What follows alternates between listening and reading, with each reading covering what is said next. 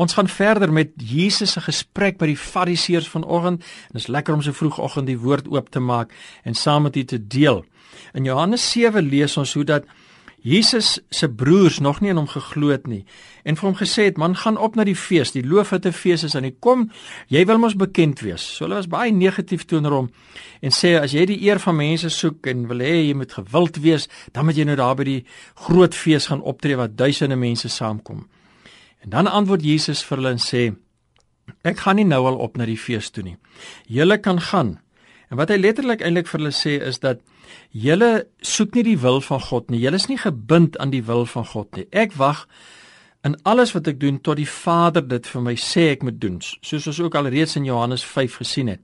Hy het dit al reeds ook vir die ander uh, godsdienstige mense van sy tyd gesê het. En dan kom hy by 'n punt waar hy vir hulle sê met ander woorde, julle tyd is altyd daar, betekende dat julle doen julle eie wil. Julle gee nie om oor die wil van God nie, maar ek doen die wil van die Vader. En so leer Jesus dan ook dat wanneer ons in 'n verhouding met hom kom, dan gaan ons altyd die wil van die Vader wil doen. Dan gaan ons God se wil wil soek. En hy sê dan vir hulle daar in Johannes 7 vers 8: "Gaan julle op na hierdie fees. Ek gaan nog nie op na hierdie fees nie omdat my tyd nog nie daar is. Die Vader het nog nie vir hom gewys hy moet gaan nie." En dan weet ons het hy later wel opgegaan na die fees en op die fees ook 'n uh, kosbare boodskap gegee. Maar dan sê hy twee belangrike woorde in vers 17 en 18. As iemand gewillig is om sy wil te doen, die Vader se wil, sal hy aangaande die leer weet of dit uit God is en of ek uit myself spreek.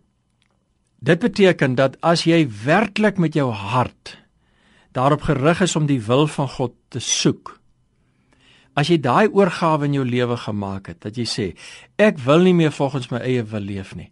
Ek wil nou volgens die wil van die Vader leef.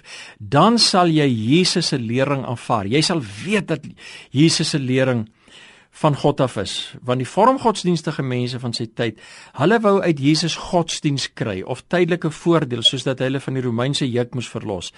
Hulle het nie eintlik regtig die woord van die Here gesoek nie.